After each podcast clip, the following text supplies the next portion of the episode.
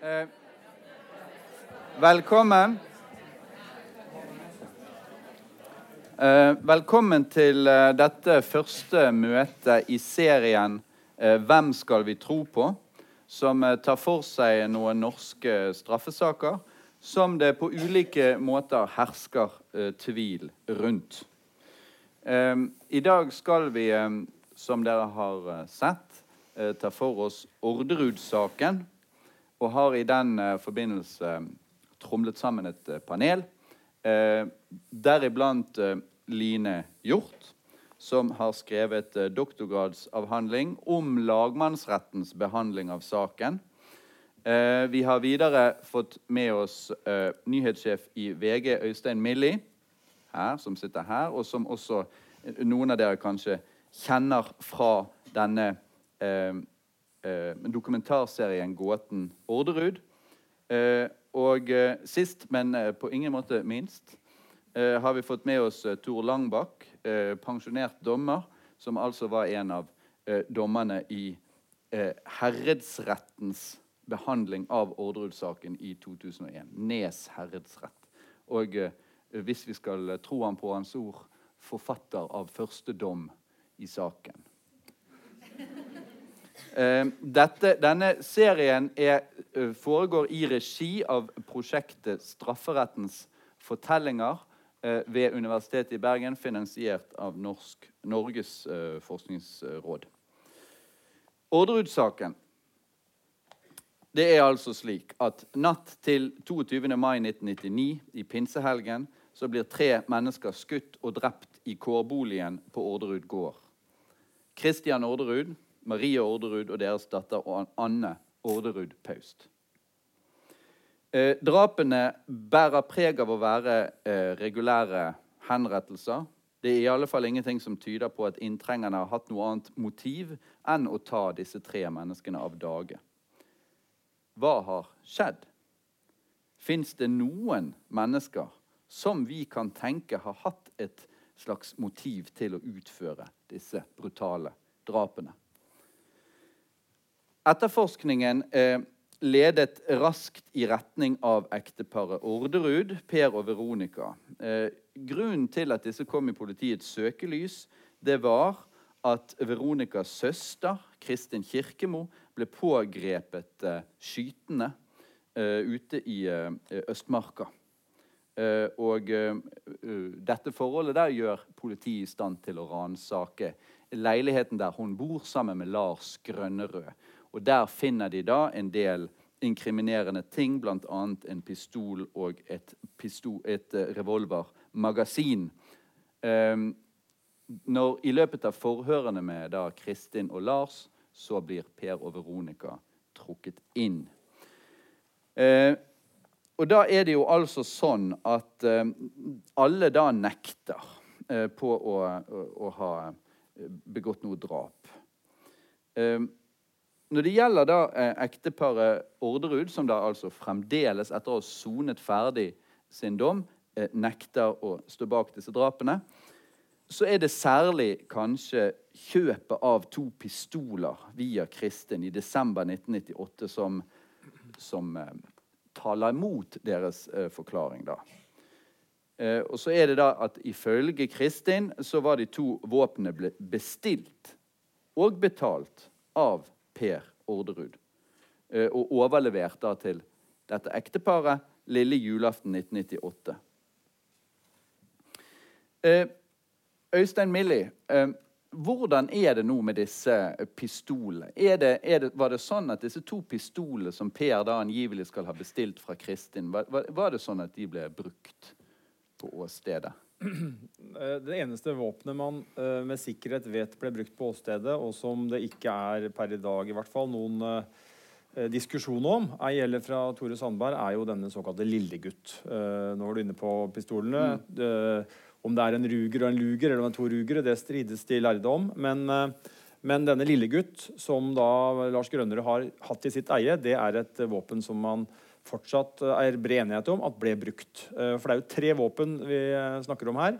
Det er disse to våpnene som du sier Kristin Kirkemo hevda at hun overleverte ekteparet på lille julaften i 98. Um, og så er det denne lille gutt som Lars Grønnerød hevder han kjørte opp til Ordre gård uh, med i påsken i mm. 99. Og at det foregikk en byttehandel mellom han og Per Orderud. Uh, per Orderud fikk da angivelig etter noe påtrykk denne revolveren som Lars Grønnerød hadde som ifølge Kristin Kirkemo en kosebamse, en lillegutt. Et litt nært forhold til dette våpenet, da, må vi anta som satt nok litt langt inne, sånn det beskrives for Lars Grønnerød å gi fra seg våpenet. Men, men, det er da sånn at eh, retten, så vidt jeg i hvert fall tolker dommene, eh, fant det bevist at dette våpenbyttet hadde skjedd. Og da uh, legger man til grunn at når påsken i 99 var over, så lå det to våpen igjen på Ordre gård. En 38-kaliber lillegutt revolver og, et, og en 22-kaliber Eh, pistol, eh, som da var et av de våpnene som Kristin Kirkemo hadde kommet med eh, fra Molde i, før jul og før dette juleselskapet mm. som alle har hørt om. Um, og så bestrides jo da helt eller delvis disse historiene av, av, flere av de som er involvert. Men kan det bevises at den 22-kaliberpistolen som der lå igjen etter påsken, at den ble brukt på åstedet? Nei. Man har jo ikke funnet våpenet. Eh, noen av våpnene. Men det man da, som var hele inngangen til saken, og som nå er eh, betydelig tvil om, ifølge Tore Sandberg i hvert fall, er jo om dette pistolmagasinbeviset holder vann. For det var jo det som gjorde at politiet fikk et gjennombrudd. Man eh, fant da hos Lars Grønnerød ved denne første ransakingen etter skytinga som du var inne på i Østmarka, så fant man et pistolmagasin som sto i en settekasse i leiligheten hans. Dette eh, magasinet tok etterforskerne Dette var jo Oslo-politiet som reiste ut. og Det var på en måte ikke noen direkte connection til Orderud-saken, men man hadde Kristin Kirkemo på radaren. og eh, Man gjorde en eh, ganske sånn light ransaking, fant dette pistolmagasinet, sendte det til analyser. Så hadde man jo hylser fra åstedet på Orderud, Korbolin. Eh, og så, så visste man vel, så vidt jeg har skjønt det, at disse hylsene hadde noen særegne riper som man mente ikke var vanlig, og som kunne tyde på at det var en skade eller noe som gjorde at dette magasinet avsatte disse ripene. Mm. Og når man da tok dette pistolmagasinet fra Lars Grønnerøds leilighet og uh, lada det med med, med ammunisjon, så fant man, mener krimteknikerne, da de samme særegne ripene på dette magasinet uh, som man gjorde på hylsene i Korbolin. Og da trakk man en konklusjon om at dette magasinet uh, måtte ha vært eh, brukt. Eh, det var en diskusjon om man kunne ha lada disse hylsene og tatt de ut igjen, og at det var et annet magasin som var brukt, men det ble vel en slags enighet i politiet i hvert fall om at det var dette magasinet som hadde vært brukt. Så det er det eneste konkrete våpenbeviset man har funnet. Men Grønnerøds revolver, bare for å avslutte det, en lang, eh, lang, lang foredrag Årsaken til at man vet at det er brukt, er at man da tok prosjektilene fra 38-kaliberen Lars Grønnerød og Kristin Kirkemo var villige til å påvise steder hvor det var skutt, lekeskutt med dette våpenet i andre sammenhenger. Politiet dro ut dit, eh, skar ned noen busker, eh, tok med seg dit til Gardermoen, rønka det, fant disse prosjektilene, og de ble lagt i, i, eh, i undersøkt. Og man fant ut at de kulene som Lars Grønnerød sa at de hadde skutt i det treet der borte, de var de samme, skutt av det samme våpenet som på ordre i går. Så dermed så fant man, som politiet ser det, Eh, holdepunkt for at man eh, vet at 38-kaliberen til Lars eh, Lillegutt er brukt. Det er det ingen som bestrider i dag. Og så la man til grunn i retten at dette, dette pistolmagasinet det kan knyttes til drapene. Og der er Tore Sandberg av en annen oppfatning i dag. Han mener å ha eksperter som sier at dette beviset ikke lenger holder. Så det er våpenbevisene på 1, 2, 3. Men, men det magasinet var ikke i Lillegutt? Nei, det magasinet er et eh, pistolmagasin. Ja. Og Lille Lillegutt var en revolver. Ja. Så der er det jo da tønne. Ja. Mens pistolen har da et magasin hvor du putter inn.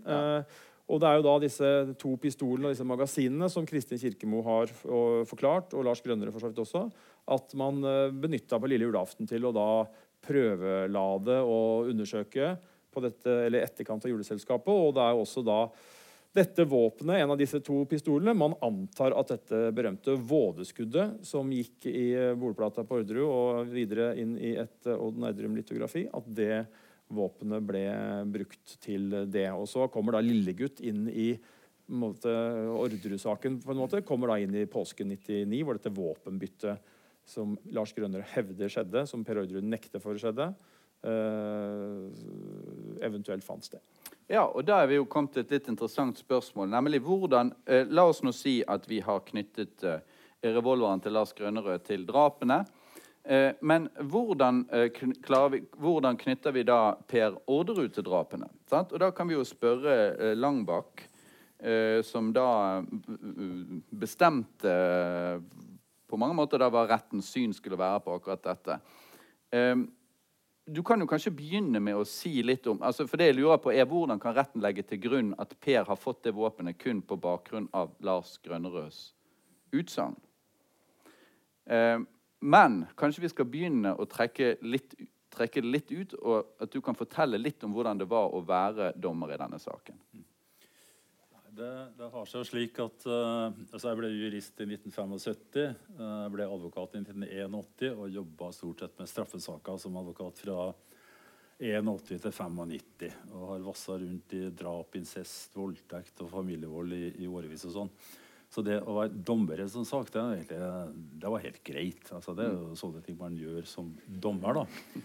Eh, men, men, litt artig det spørsmålet du stilte egentlig om, om, tvil. Det er jeg litt mm. opptatt av. Fordi tvil er noe som er i hodet mitt. Altså, tvil er hvis jeg ikke helt skjønner hva som foregår uti, uti der. Eh, om noe er sikkert, sannsynlig, umulig osv.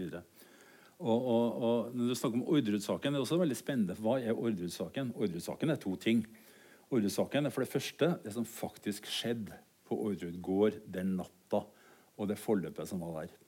Men når du spør om hvordan var i saken, så er det noe helt annet. fordi noe helt annet er Orderud-saken som rettssak. Og En rettssak er et forsøk fra aktor og, forsvarere og hva det skal være, på, på, en måte å forklare en domstol hva er det egentlig som har foregått. Liksom. Hva er det som har skjedd. Og husk, eh, Vi skal ikke glemme det at det rettssaken dreide seg om, det var var de fire tiltalte skyldig i med vilje å ha medvirka til et planlagt drap. Og Vi fant at uh, ut ifra åtte ukers bevisførsel at det, det, var ikke tvilsomt at ekteparet hadde vært med på det, knytta til våpenleveranser, knytta til planlegging. Hva som har begått drapet, det er jo det store usikre. Det vet vi jo ingenting om. Uh, bortsett fra Grønnerød. Han mente jo han var såpass fjern og bortreist den gangen at vi ikke dømte han for forsettlig å medvirke til det, men at han burde ha skjønt det. liksom. Så det å være dommer der, det var, altså Straffesaker er stort sett ganske greie saker. Finne ut uh, hva som har skjedd opp imot tiltalen. Uh, vurdere bevisene, vurdere troverdigheten i det som sies, og, og, finne et svar. Og vi fant et svar som uh, vi fant helt, var helt utvilsomt på de tre vi dømte for forsettlig medvirkning. Når det gjaldt det der med hva, hva, er det som gjør at dere tenker at Per Orderud må ha hatt, mottatt Lillegutt? Ja, det må gå helt inn på de konkrete bevisene. De skrev skrevet litt om i dommen. Det var bevis for det på treff på et sted. Det var bevis for at man faktisk hadde vært der begge to osv. Og, så videre, og, og litt andre ting. Det skal Tele telefonoppringninger ja, ja, ja, ja, ja. Masse telefonoppringninger helt fram til revolveren plutselig passerte i retning høyre, og deretter ble det slutt. Og bortforklaringen på det var jo uh, hinsides, egentlig. Da. Jo, for jeg tenker at Publikum kanskje er litt interessert i akkurat det der med at Eh, eh, man kan kanskje tenke at her er det påstand mot påstand, men i et sånt tilfelle så er det altså snakk om å underbygge det ene fremfor det andre ved hjelp av andre typer beviser. Ja, Milje ville ha bedt altså, om ord. Jeg, jeg kan prøve i hvert fall å komme med noe som jeg kanskje fra mitt ståsted tror hadde betydning. Og det er klart, Orderud-saken eh, dreide seg mye om, sånn som jeg ser det, også troverdighet. Eh, de forklaringene man gir, blir jo Eh, sett i lys av hva som kan eh, bevises og ikke bevises. Og det jeg tror var et problem, skyldig eller ikke skyldig, for det skal ikke jeg mene noe om, eh, i forhold til ekteparet, er at de starta sine forklaringer med å holde dette vådeskuddet vekk.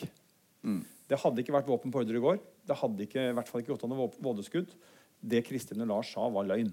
Mm. Uh, og når det da uh, uh, Eh, ligger forklaringer på bordet om at det også har vært drapsplanlegging. Og på en måte øh, øh, Du begynner å undersøke, Politiet begynner å undersøke og finner ut at det har vært faktisk Vi finner under en duk så er det et skuddskade i et bord. Er, vi finner et øh, Nerdrum-litografi som har vært på reparasjon på Lillestrøm på rammeverksted. Vi finner blyinnslag i dette, og vi finner bly i blod, uh, i, blod, hører du, i bordet. Ja. så er det klart at hvert fall jeg, hvis jeg skulle vandra over sånn tenkt tanke og vandra fra journalistikken over som legmann i en, en, en, en domstol, så ville jeg merka meg det med interesse. Det er klart. Samtidig, hvis du hadde blitt anklaget for å ha skutt dine foreldre og din søster, mm. og du visste at du var uskyldig, men du visste også at det hadde gått av et skudd i, huset ditt uh, noen måneder før er du sikker på at du ville ha frontet det med liv og lyst overfor etterforskerne? Uh, jeg ville i hvert fall ha drøfta det, og nå aner jeg ikke hva som har skjedd, for det er, det er jo et taushetsspørsmål, men jeg ville i hvert fall ha drøfta det umiddelbart med mine forsvarere og sagt at dette er situasjonen. Dette er min, det er sånn jeg mener at dette har skjedd. Mm. Hva gjør jeg? Uh, og så kan du sikkert få råd i begge ender, men, men det er klart at det ja, det kan hende at du hadde valgt å ikke si det, men uh, samtidig så, det, så, vet du jo at dette, hvis det blir avslørt, så, så, er det ting som knytter seg rett opp mot da I hvert fall ser ut som det knytter seg rett opp mot ting som har med det som har skjedd å gjøre. Så, så, får, du et, uh, så får du et stort problem inn i det videre ja, etterforskning. Ja, det generelle du egentlig spør om, er hvordan vurderer du troverdighet? Det ser vi ofte i voldtektssaker. Altså, eh, det er mulig offeret sier sånn, og det er mulig gjerningsmannen sier sånn. Og det å vurdere verbale utsagn opp imot hverandre i seg selv og, og finne ut av troverdigheten, det er en bortimot umulig oppgave. Så skal du vurdere troverdighet, så må du på en måte bygge på litt andre ting. Det kan være, liksom, si, det kan være omstendigheter omkring ting. Altså, asylsøker kom til Norge i forgårs og, og, og har sex med dame i en park liksom, og påstår det var frivillig. Mm, omstendighetene gjør at vi tviler ganske sterkt på det. liksom. Det at du pendler forklaringer og, og, sier både det ene og andre, det kan ha en fornuftig forklaring, men det behøver ikke å ha det, og det svekker troverdigheten. Det med faktiske bevis altså Hvis jeg påstår i morgen til kona at jeg ikke har vært i Bergen, så er det liksom 80 vitner som kommer til å stå hardt på at det har jeg faktisk vært. Altså Faktiske bevis og vitneutsagn kan komme inn i vurdering av troverdighet. Men troverdigheten i seg sjøl, veldig isolert av verbale utsagn, det er en utfordring. Da syns jeg at vi kan spørre Line Hjort. For du har jo diskutert spørsmålet om tro troverdighet i din avhandling. Nå analyserte du riktignok ikke den uh, rettssaken som uh, Tor Langbakk var dommer i, men i den senere rettssaken i Eidsivating lagmannsrett. Uh, og du så igjennom eh, time på time på time med eh, klipp fra disse avhørene i retten. da. Ja. Hva er din vurdering av troverdighetsspørsmålet i Orderud-saken? Var det noen der som var troverdig? Jeg er spent. Jeg kan si litt først om, om bakgrunnen for det materialet. Da. Det er fordi I motsetning til Ines Herredseth så ble jo Eh, ankeforhandlingene i Eidsvoll lagmannsrett ble jo eh, tatt opp på videobånd eh, og transmittert til et sånt stort mediehus hvor det satt masse journalister. Eh, hvor det var plass til dem inne i grendehuset. Um, og Det materialet har da vært i Eidsvoll eh, lagmannsretts besittelse, og det er det jeg har eh, da analysert primært da eksaminasjonen av de fire tiltalte. Da med fokus på troverdighet og språkbruk. Um, og eh, hele mitt utgangspunkt eller konteksten for det har vært at jeg mener at man må, for å kunne i det hele tatt si noe som helst om troverdighet, så må vi på en eller annen måte ta den konteksten som, eller den situasjonen da, som de tiltalte befinner seg i. Um, som jo er en veldig veldig spesiell situasjon. Uh, man, er, uh, man, skal delta i en, en språklig utveksling i rettssalen um, når de blir eksaminert, som er, adskiller seg veldig fra den type uh, språklig utveksling vi har med hverandre i dagliglivet, vil jeg mene. Uh, og grunnen til at Nå kommer jeg til å fortelle bitte litt om hvordan den foregår. Bare fordi det er, det er, litt viktig for å forstå hvordan, min mening om hvordan man må vurdere troverdighet. Um, jeg mener jo at den, denne språklige utvekslingen um, er, pre, er, litt prega av spill, i den forstand at man har alle disse partene man er, I Orderud-saken har man mange parter. Uh, som regel er det kanskje bare to, eller i hvert fall to. Uh, som gjerne vil få fram sin fortelling og få gjennomslag for den fortellingen om hendelsesforløpet som tiltalen gjelder. Um, og så kommer man i rettssalen, og så, så, hele utspørringen går på en eller annen måte ut på å få fram den fortellingen de vil ha. Og da har man lagt ganske spesifikke strategier, man har en taktikk. Og man skal oppnå dette målet som er å få gjennomslag for den fortellingen. Og det kan ikke advokatene bare selv si. De må på en eller annen måte få de tiltalte til å si noe som helst om det de gjerne vil ha fram. da. Og de tiltalte sitter jo der, og de kjenner ikke nødvendigvis den, altså den, rett, altså den rettslige poengen i saken. og De kjenner ikke nødvendigvis uh, jussen på samme måte som advokatene. Og så må de forsøke på en eller annen måte å inngå i denne, uh, denne situasjonen. da. Altså, Hvordan håndterer de det? Altså, hva, dette er den situasjonen de, må, de blir vurdert i rett og slett av, av dømmende rett. da. Så hvordan, eh, skal man takle den situasjonen, og hva, hva, hva, påvirker eh, den? Og Da mener jeg jo at dette, da må man f.eks. være opptatt av eh, den spesifikke saken, som i ordresaken er veldig spesiell. fordi man har, man har, man har ingen fellende tekniske beviser som, er, som peker entydig i noen retning. Og så har man fire tiltalte, som alle sammen forteller ulike og motstridende fortellinger. Noen av de involverer til og med andre av de tiltalte. Um, Uh, og så er det en tiltale på medvirkning. Hvilket betyr at I veldig mange andre rettssaker så er man veldig opptatt av hva gjorde du den natten. Uh, har du et alibi? Uh, mens i Orderud-saken er ikke det, det det avgjørende spørsmålet. Det er mye mer hvem er du? Fordi hvis man skal svare på om du ville, altså Det handler mye mer om er du et menneske som vil være i stand til å gjøre dette her, til å planlegge dette drapet og føre det ut i livet. og For å svare på et sånt spørsmål så må man jo ofte helt tilbake til barndommen. og hva, hva er det for et menneske? Hva for et liv har du hatt? Hvilke erfaringer har du? Um, så dette er på en eller annen måte det de tiltalte står i i den saken. De skal inn, og så skal de på en måte fortelle fortellingen om hvem de er. Um, og så er troverdigheten kjempeavgjørende. Uh, altså om de, om de uh, framstår som troverdige mennesker da, med sin fortelling. Um, og uh, dette håndterer de jo fire tiltalte i rådhussaken veldig ulikt. Og det gjør de både fordi de har veldig ulike roller i saken. Det vil si, Per og Veronica kjemper jo egentlig ikke bare mot eh, aktoratets fortelling. De kjemper også mot, mot eh, Raja Kristins fortellinger. Så de møter desto større motstand i denne utspørringen. Um, og så er man um, og så, eksempel, og så, handler det også om, eh, om, deres kulturelle og personlige forutsetninger. Da. Altså hva slags, eh, hva slags, type mennesker er de? Hvordan vil de takle en sånn situasjon i rettssalen når de får disse kritiske eh, spørsmålene? Og der mener jo jeg at Hvis man skulle si noe som helst altså dette, dette, Det jeg nå nettopp har skissert opp, det gjør noe med hvordan altså hva de blir møtt med i rettssalen. altså Hvilken motstand de blir møtt med. Og så, sier, og så, har det noe å si for hvordan de er i stand til å takle den motstanden. Altså, um, og da mener jeg at disse spørsmålene må man på en måte ha med inn i, uh, i sin egen vurdering av uh, deres troverdighet. Da. Og så kan jeg jo bli mer konkret og si noe om både ja, men, Per og ja, Lars Kristian, men jeg vet ikke om vi skal vente litt ja, med det, kanskje? Litt med det. Ja. Jeg, jeg, kan jo bare nevne at du, at du har et sånt funn i avhandlingen din hvor hvor, hvor, eh, hvor, det er noe paradoksalt særlig ved Kristin. Altså at hun ja, ja, både, både, åpent lyger veldig mye, men samtidig på underlig vis blir trodd mer. I alle fall i, i lagmannsrett. Men det handler både om hennes spesifikke rolle og så handler det om, om henne som, som, som menneske. Er, nå har jeg lagt grunnen for at jeg kan si mer om det etterpå. Ja. ja. Eh, og, og, og, men da tenkte jeg, når du, når, du, når du, snakker om det med motivet, så er det jo veldig påfallende når man leser eh, Langbaks dom, at Eh, at motivet legges eh, bruker, Du bruker veldig mye tid på å forklare motivet. Du begynner nettopp med barndommen. Jeg, vet ikke om du husker dommen sånn eh, Jeg har den her, da.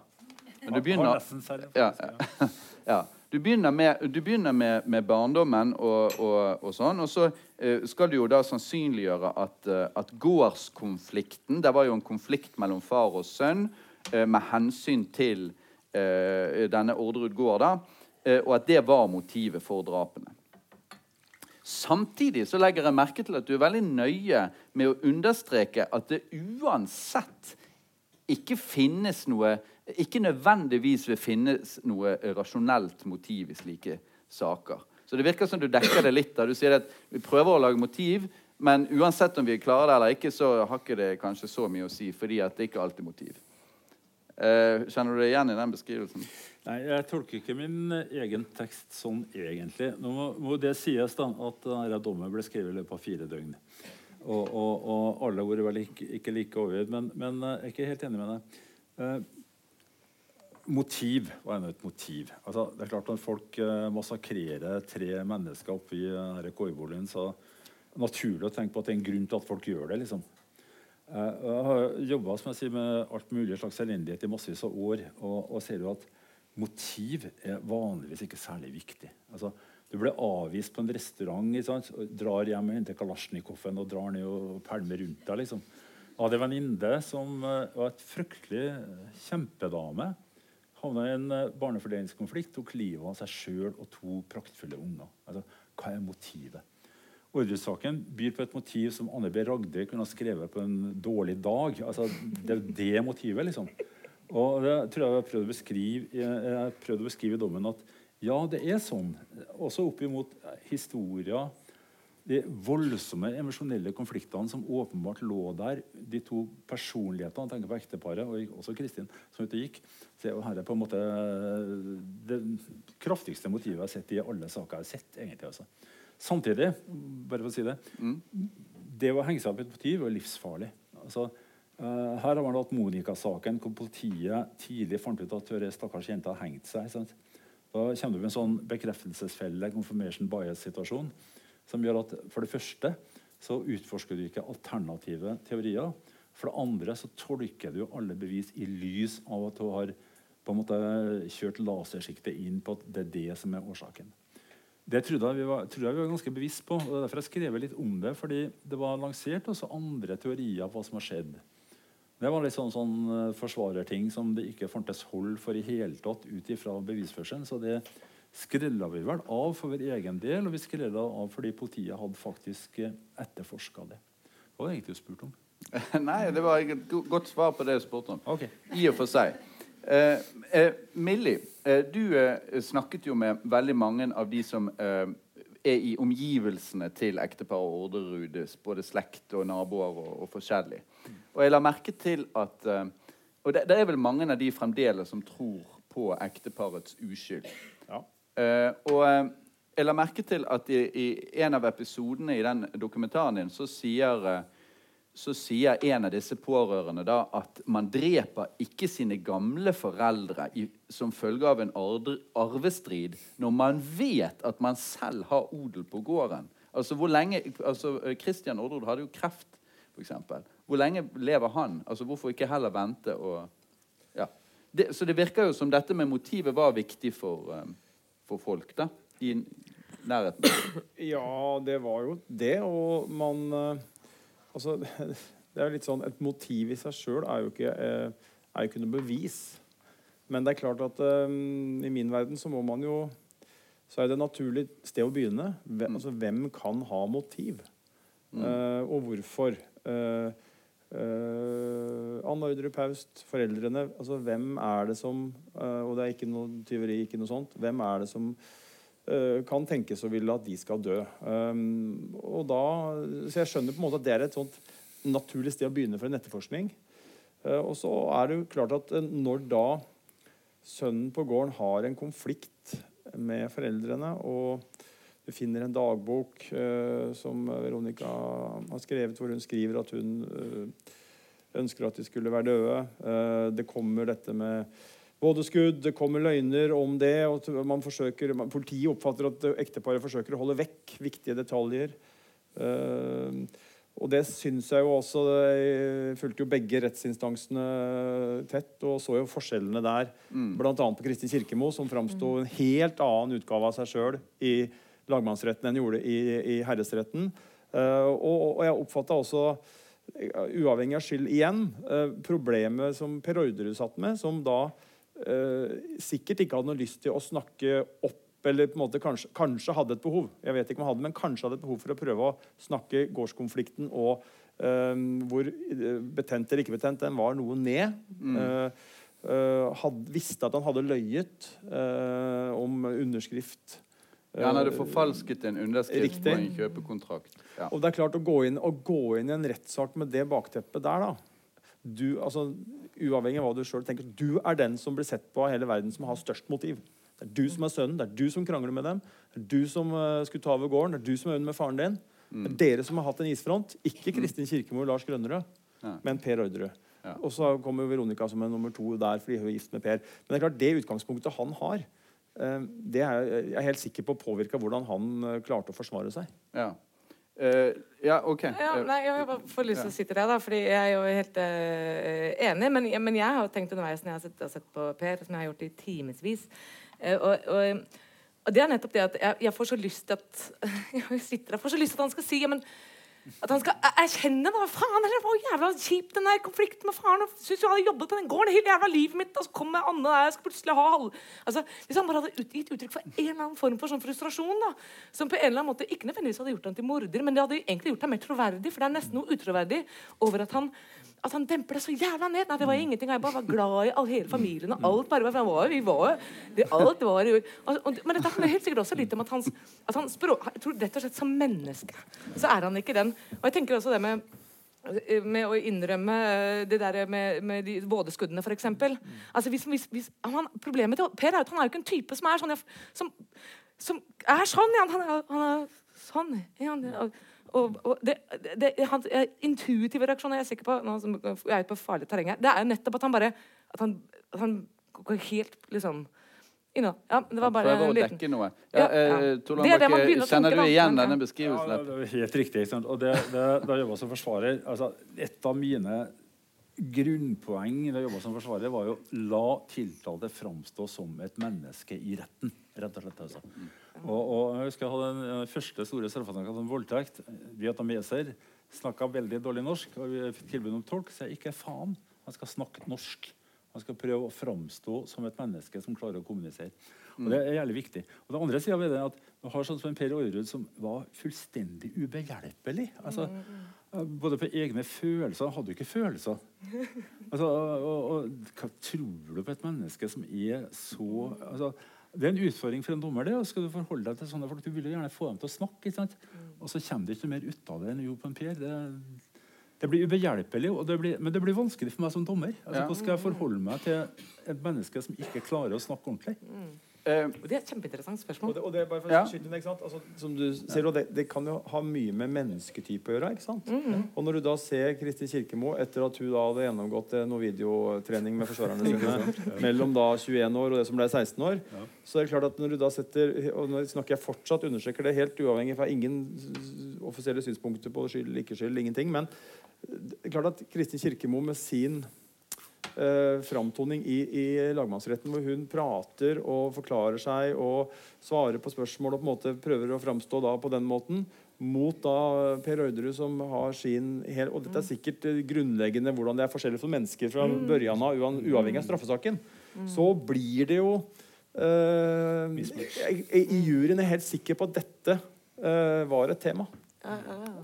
Men er det, ikke, er det ikke litt problematisk da at det skal være ens evne til å fremstå på en bestemt måte i eh, rettssalen som skal avgjøre hvorvidt vi tror om du har drept noen eller ikke? Det fins jo tafatte folk. Det fins folk som ikke liker å Mm. vise følelser, og som ikke er særlig verbale av seg. Men det betyr jo ikke at de er mordere.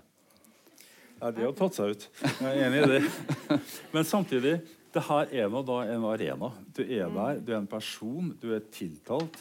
Da må vi jo bare ta det som det er, rett og slett. Altså, vi som skal avgjøre det forholde oss til det med den mulige menneskekunnskapen vi må ta. eller mangel, liksom. Men det er nå bare sånn det er. Men jeg, men jeg kjenner meg jo litt igjen når du sier at du oppfatter det som et slags elementer av et spill. Og det er klart at eh, Jeg har jo sett disse opptakene, og en del av dem er vist på TV. Men det er klart eh, Og jeg vet ikke hva jeg, jeg, Det slo meg at det var, det var ganske sånn Det var ganske, ganske voldsomt trøkk i den spørsmålsstillinga. Det er klart at når, ikke sant, når du får spørsmål eh, Jeg tror det var Olav Tue som sa noe sånt som at Per Orderud, mora di er drept, faren din er drept, søstera di er drept. Og hva er det du begynner med? Det er å ljuge. Hva Ja. er det som foregår i huet på deg da? Fortell meg det. Ja, ja. Altså, det er klart at du, Hva skal du si, da? Eh, du, du Du sier unnskyld. Ja, altså Ja, det var dumt, ikke sant? Men det er jo sånn du, du sitter jo altså, det, altså, Og det er klart at det, det derre det derre, mm, og det tror jeg, Den dynamikken det har jeg sett mange ganger. da, Den oppstår jo gjerne, og den oppstår særlig når det er flere tiltalte som har ulike forklaringer og ulike og noen skal skylde på hverandre, og du har den der, så får du på en måte Da lever den der, det rettslivet med da fire Orderud-saken var spesielt. Det var åtte forsvarere som var medaktorer.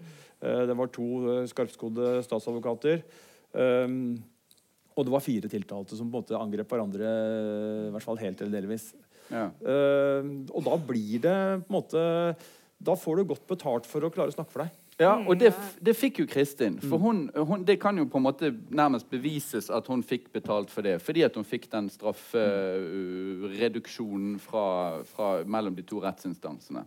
Og det var jo ikke noe voldsomt store forskjeller i bevissituasjonen som sådan fra den ene rettssaken til den andre.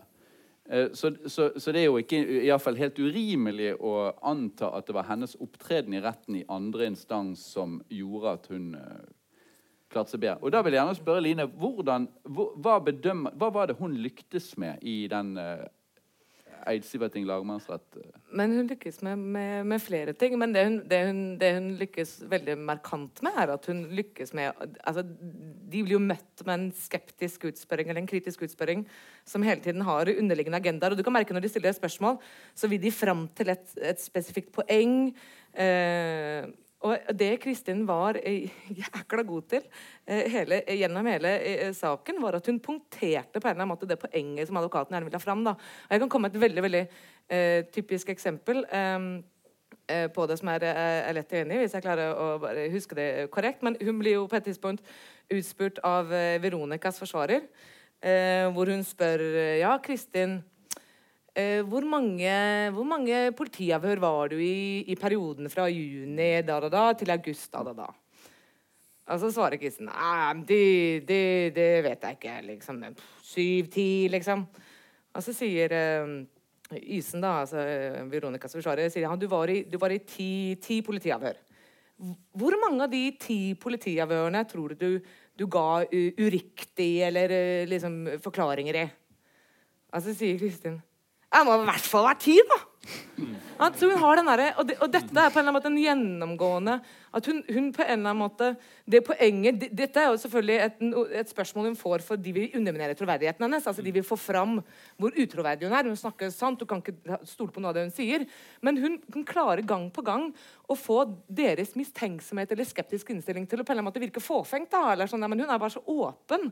Og, og det at hun framstår så åpen, gjør at man på en eller annen måte Man er takknemlig nærmest for den åpne. Og hun, hun underholder jo også. Hun er forteller livlig. og altså hun, Så det gjør at man på en eller annen måte man, ja, man, man glemmer litt å ha den der kritiske innstillingen som man kanskje ellers eh, har hele tiden, da, vil jeg tro, i retten. At hun, Ja, som, som Langbakk beholdt. Men da, Ja, si. da opptrådte hun jo visstnok annerledes. ja, det Ja, det. det er helt Ja. riktig. For da, altså, et veldig godt triks vær sjarmerende. Det er kjempesmart, fordi da blir du lettere trodd. Samtidig har jeg holdt med noen år erfart at du kan bli lurt av sjarmpsykopater. Altså, det er, tar sin tid, for du skjønner at folk er psykopater og sjarm- sjarmerende samtidig. Men det har jeg opplevd flere ganger. Det er gått i fella, og så plutselig ser jeg at det er jo bare tull. Sånn, Ja. Men det, er helt riktig. Hun framsto snakka med dommerne var lagmannsretten helt forskjellig i de to instansene. Og det, Det sier hun jo selv og i den bio, i biografien sin. men om det var medietrening eller at hun slutta med rus og sånne ting, det skal jeg ikke Hun sier jo helt åpent at hun har øvd dette med advokatene sine og videofilmet eh, altså, Øvd på kam videokamera. Eh, jeg har litt lyst til å, å gå eh, i retning alternative forklaringer på hva som kan ha skjedd. Eh, fordi at det er jo da eh, tvil om saken. Eh, i, i tvil som har manifestert seg da i en gjenopptakelsesbegjæring, som fremdeles ikke er avgjort, som ligger inne hos Gjenopptakelseskommisjonen. Det er jo sånn at når den siste dommen i saken foreligger, så kan man be om gjenopptakelse hvis man mener at man har eh, eh, nye beviser, f.eks. Det mener jo da Tor eh, Sandberg at han hadde. Det var beviser som gjorde at uh, saken fremstår som tvilsom.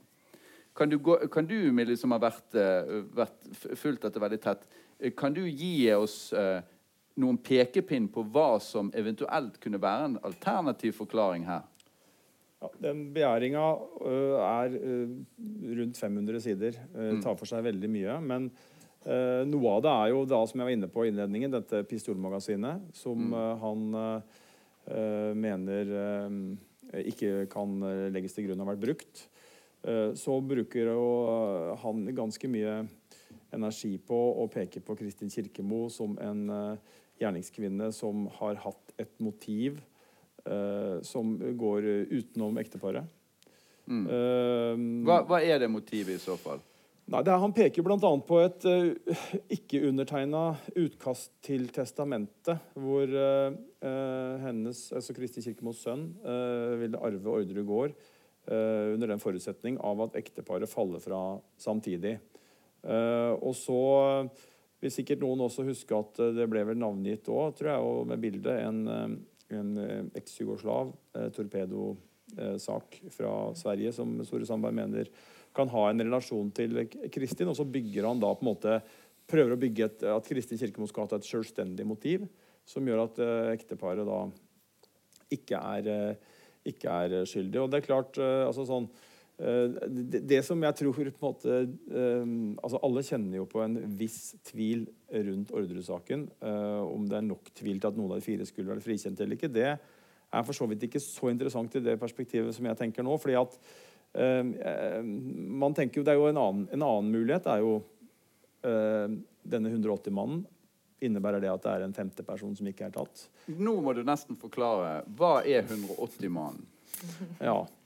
180-mannen er, eh, er jo da en mann som eh, ringte til opplysningen 180 en tid før drapene. Uh, spurte etter telefonnummer til Anne Ordrup Paust. Uh, altså den samtalen begynner veldig rasjonelt. Uh, Altså en av de drepte. ja. Ja. Og så begynner han å spørre om telefonnummeret til Christian og Marie Orderud eller på, på Sørumsand. Er Litt sånn hva hun, operatøren husker og forklarer. Og så blir det sånn jeg opplever den samtalen. Jeg har lest de avhørene sikkert 100 ganger. eh, så opplever jeg at det blir en merkelig form for eh, fortrolighet mellom de to. Eh, I hvert fall at 180-mannen har behov for å si noe som han egentlig ikke tror er planlagt. Mm. Eh, for han begynner å prate da om eh, alt det trøbbelet som Anna Anne har lagd i familien. eh, og bruker jo nedsettende ord om henne. Kaller henne for noe sånt som bi- bikkje, merr, tispe, noe i den retning. Eh, og sier jo at eh, bare vent til eh, i pinsen, så skal du få se på TV hva jeg har gjort. Eh, jeg skal sørge for at de eller skyte dem eller altså drepe dem. Han sier jo rett ut det som skjer, sier han jo i den samtalen skal skje. Dette er jo en mann som sitter eh, midt i eh, eh, informasjonsstrømmen. eh, om han var på Orderud og skøyt, eller om han var en planlegger, en medvirker, eller om han skulle være med og trakk seg, Mm. aner vi jo ikke. Men at han på det tidspunktet visste at noen holdt på med en uh, grundig planlegging av de uh, trippeldrapene, uh, det er jo ikke tvil om. La oss spørre Langbakk. Husker du denne, dette vitnet i første instans? Å ja. Og, og med 180? Hva, hvordan vurderte du det den gangen? Nei, vi fant vel ut at det sa oss overhodet ingenting. Altså, noen må ha sagt et eller annet til et menneske på, på uh, her i telefonen, men det ga oss ingen bevis i noen retning. Hvis det, det skjer i ettertid, så er det jo veldig fint, men oss uh, sa det ingenting. Så dere la ingen vekt på dette beviset? Nei, det førte jo ikke, ikke i noen retning for noen, egentlig. Nei. De prøvde vel å få det til å Eller de undersøkte vel i hvert fall om det var Per han gjorde ikke det? det var, Det ble undersøkt på kryss og tvers, og telefonanalyser, så det holdt, men mm. det ga ikke noe hold i noen retning når det gjelder bevis. Nei. Man endte jo opp med, altså det man endte opp med, var jo at uh, uh, i Svalveien, eh, hvor Kristin og Veronica vokste opp, så drev jo da noen uh, Søstera og en samboer drev et budfirma. Eh, og det er jo da sånn at det har jo vært en samtale eh, til denne sentralen i eh, Lærdal eh, fra dette huset. Mm. eh, 12. mai 1134. Um, eh, hvor også denne operatøren var på jobb. Som på en måte alle de kriteriene, Nesten alle kriteriene, for det er viktig å si. Ja. Alle kriteriene som man har på 180-samtalen, stemmer ikke helt med Svaleveien. Så det er noe som skurrer der. Hva, hva, hva sier du med Svaleveien? Hva er det for noe? Nei, Det er der dette budbilfirmaet drev. På et Som- soverom som har, hvor det er ringt uh, til 180. Og uh, Ja, Som er Kristins bror.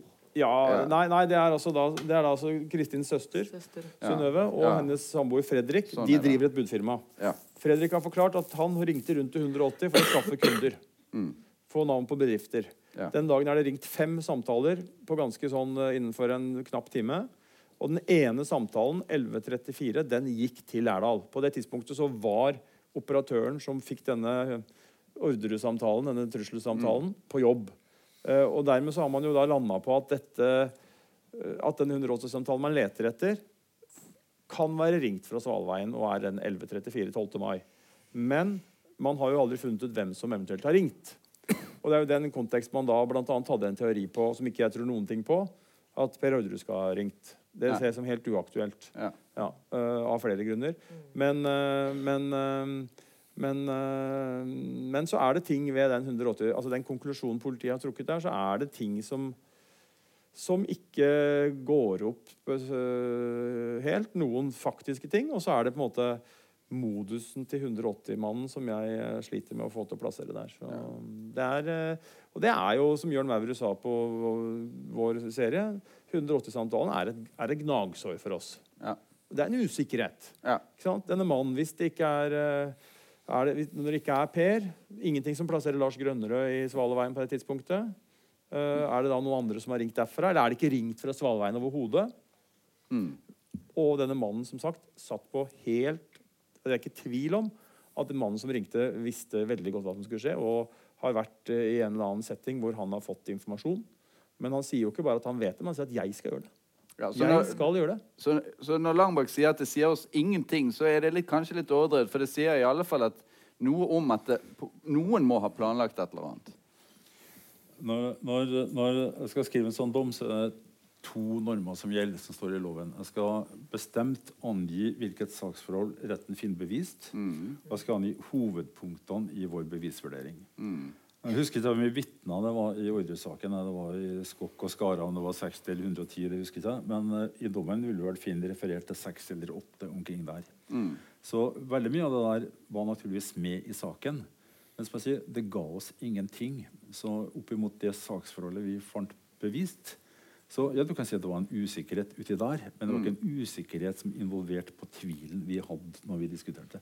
Nei.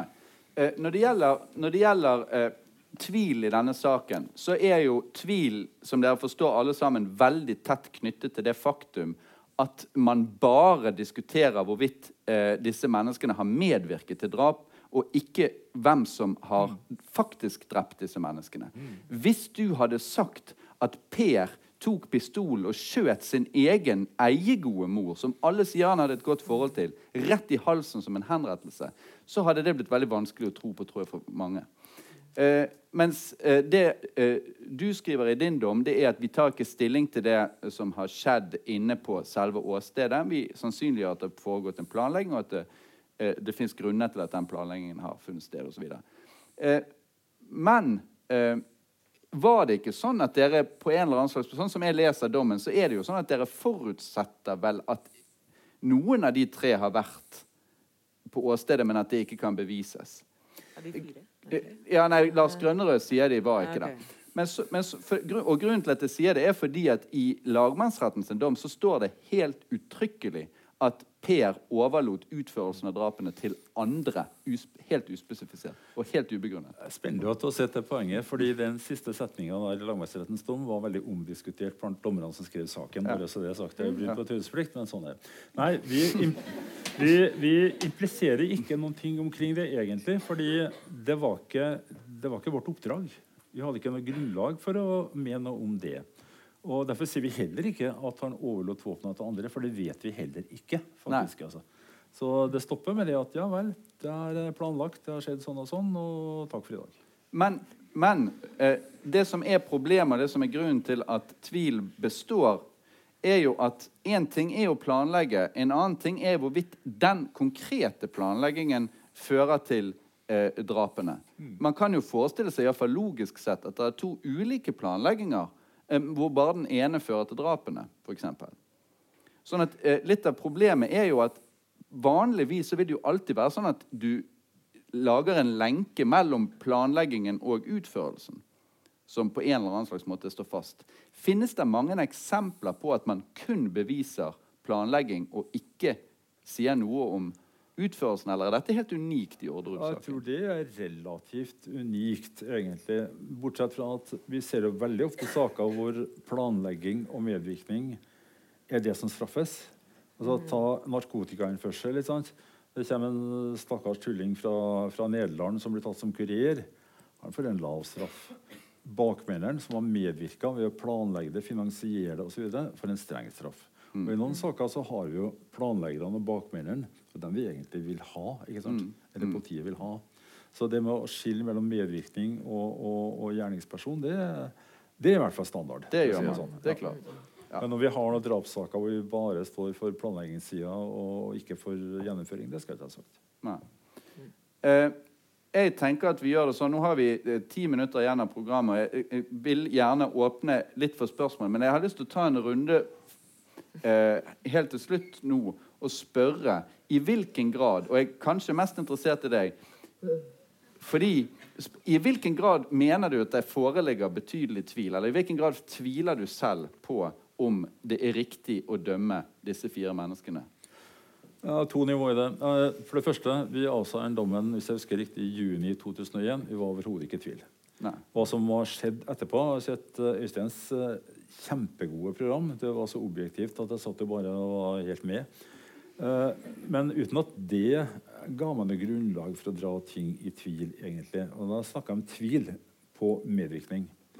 Når det gjelder hvem som har gjort det, så er vi ikke, det, det, det er vi ikke engang på tvilsnivået. Det vet vi bare ikke. Antagelig det eneste vi vet, at en av drapspersonene, hvis det var flere, hadde skonummer 38. Eh, I den grad det er menn til stede i forsamlinga, så kan den rekke opp handa som har skolenummer 38. Jeg tror ikke det er forferdelig mange. Nei, det var ikke veldig mange.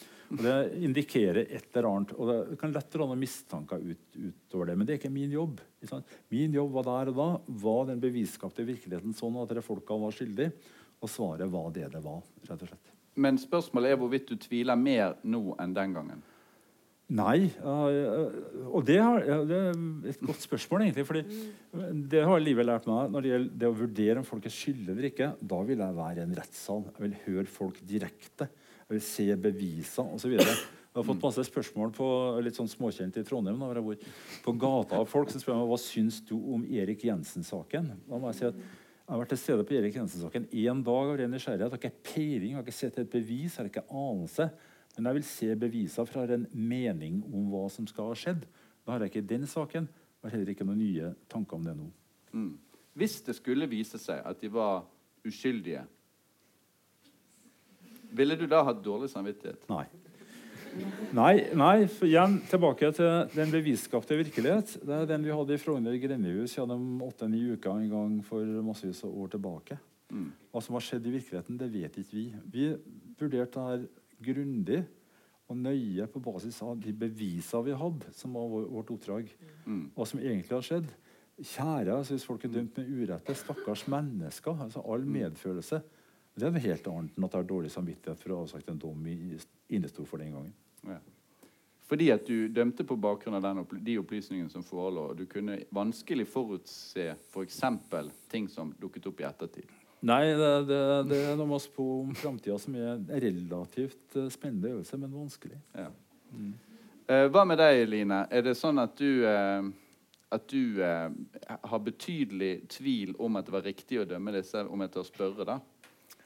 Ja, ja, selvfølgelig spør jeg vei. Men, men eh, mitt problem er jo at jeg, eh, at jeg jo ikke har det samme innblikket i det overordnede bevisbildet da, som, som eh, Øystein og, og Thor har. I den forstand at jeg har jo bare sittet i lagmannsretten og hørt på disse fire tiltalte. Så jeg har ikke vurdert det opp imot de andre bevisene i saken. Så jeg har egentlig aldri vært spesielt opptatt av liksom, hva er sant, og hva har skjedd, og hvem er skyldig og sånn. Um, så, men jeg kan ut ifra bare det, da, og det er jo helt håpløst, for det kan man ikke. Jeg vil jo, Man vil jo aldri kunne bedømme en rettssak eh, bare ut, ut fra det. Men så vil jeg vel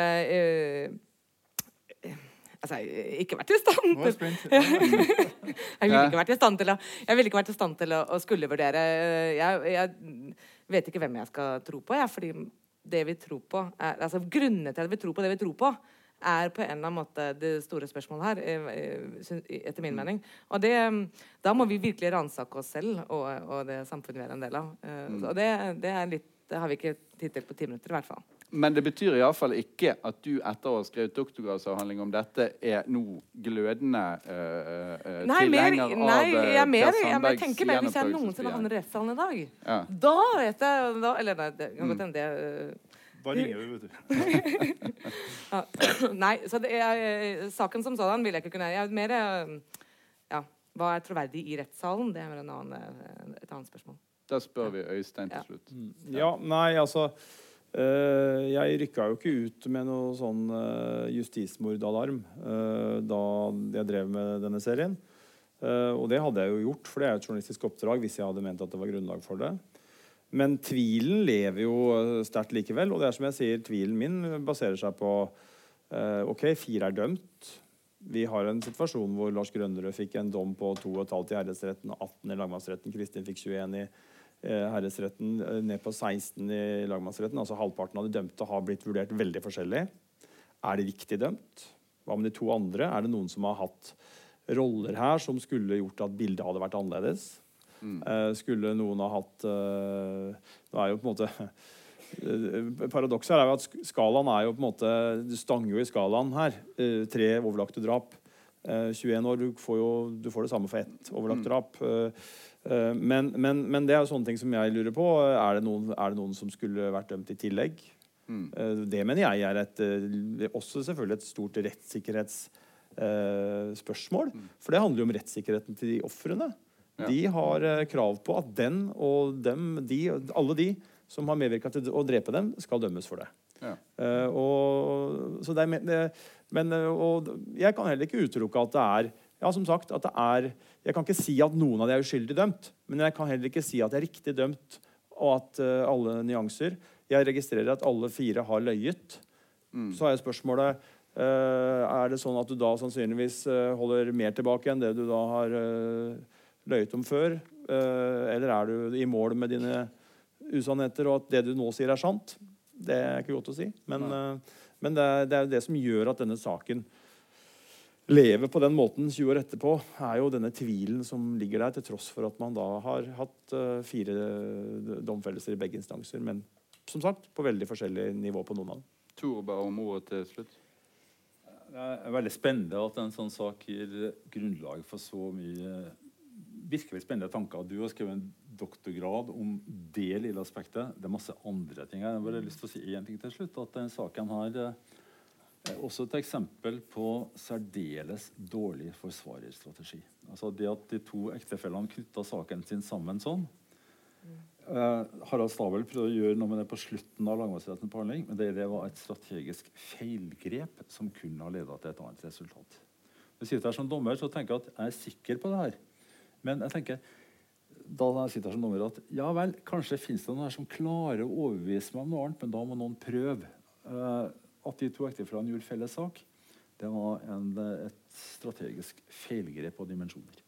Det jeg hører nå, det er at uh, dette, dette først og fremst uh, kanskje var til skade for Per. Men, men, men, men, det kan la det henge. Eller, eller Veronica. Det kom helt an på forsvarerne. Det Godt an å spille dem ut mot hverandre på en måte at det har blitt en total tvil. Siden den gamle forsvarer. Vi åpner helt nå til slutt for et, to spørsmål fra salen. Det blir bare tid til to. Og vær vennlig og vær kort. dere har sikkert fulgt med på dokumentaren og har sikkert spørsmål. Men bestem dere raskt og vær kort. Veldig kort. For du vet det er første som tar tid, og så plutselig raser alle hendene opp etter én har kommet i gang. sant? Ja, der var et. Ja, du, du får en mikrofon. Ah, ja, akkurat. Eh, du nevnte at uh, han hadde kreft, men obduksjonen sier at han ikke hadde. Er vi sikre på at han var døende? Jeg, jeg tror du må stille det en gang til. Du nevnte at uh, han hadde kreft, men obduksjonen viser jo at han ikke hadde. Er vi sikre på at han var døende? Uh, jeg refererte uh, kun til det jeg har sett på dokumentaren til Millie. Så er Millie for ja. Jeg tror ikke Altså, det ble jo Det du refererte til, var et utsagn fra et intervjuobjekt ja. som opplevde det sånn. Og så er det andre som mente at Christian Orderud ikke Han hadde, han hadde hatt en kreftdiagnose, ja. Men men jeg kan jo trekke tilbake igjen til uh, utspørringa av Veronica Orderud på dagboka, hvor hun hvor Jørn Maurud sier at han var, han var uforskammet, sprek og kvikk, eller hva han sier på den dagbokseansen. og hun sier jo ja, det var han. Han var, han var en umuligselger, altså noe i den retning. Eller hun sa faktisk det, da. så at det var, det, han var ikke en Han var oppegående i høyeste grad. Han drev en ankesak, og han skulle møte advokaten sin i denne gårdsstriden. Eh, han hadde kontakt med han rett før han eh, ble skutt, og han skulle vel i en ankesak og var oppegående.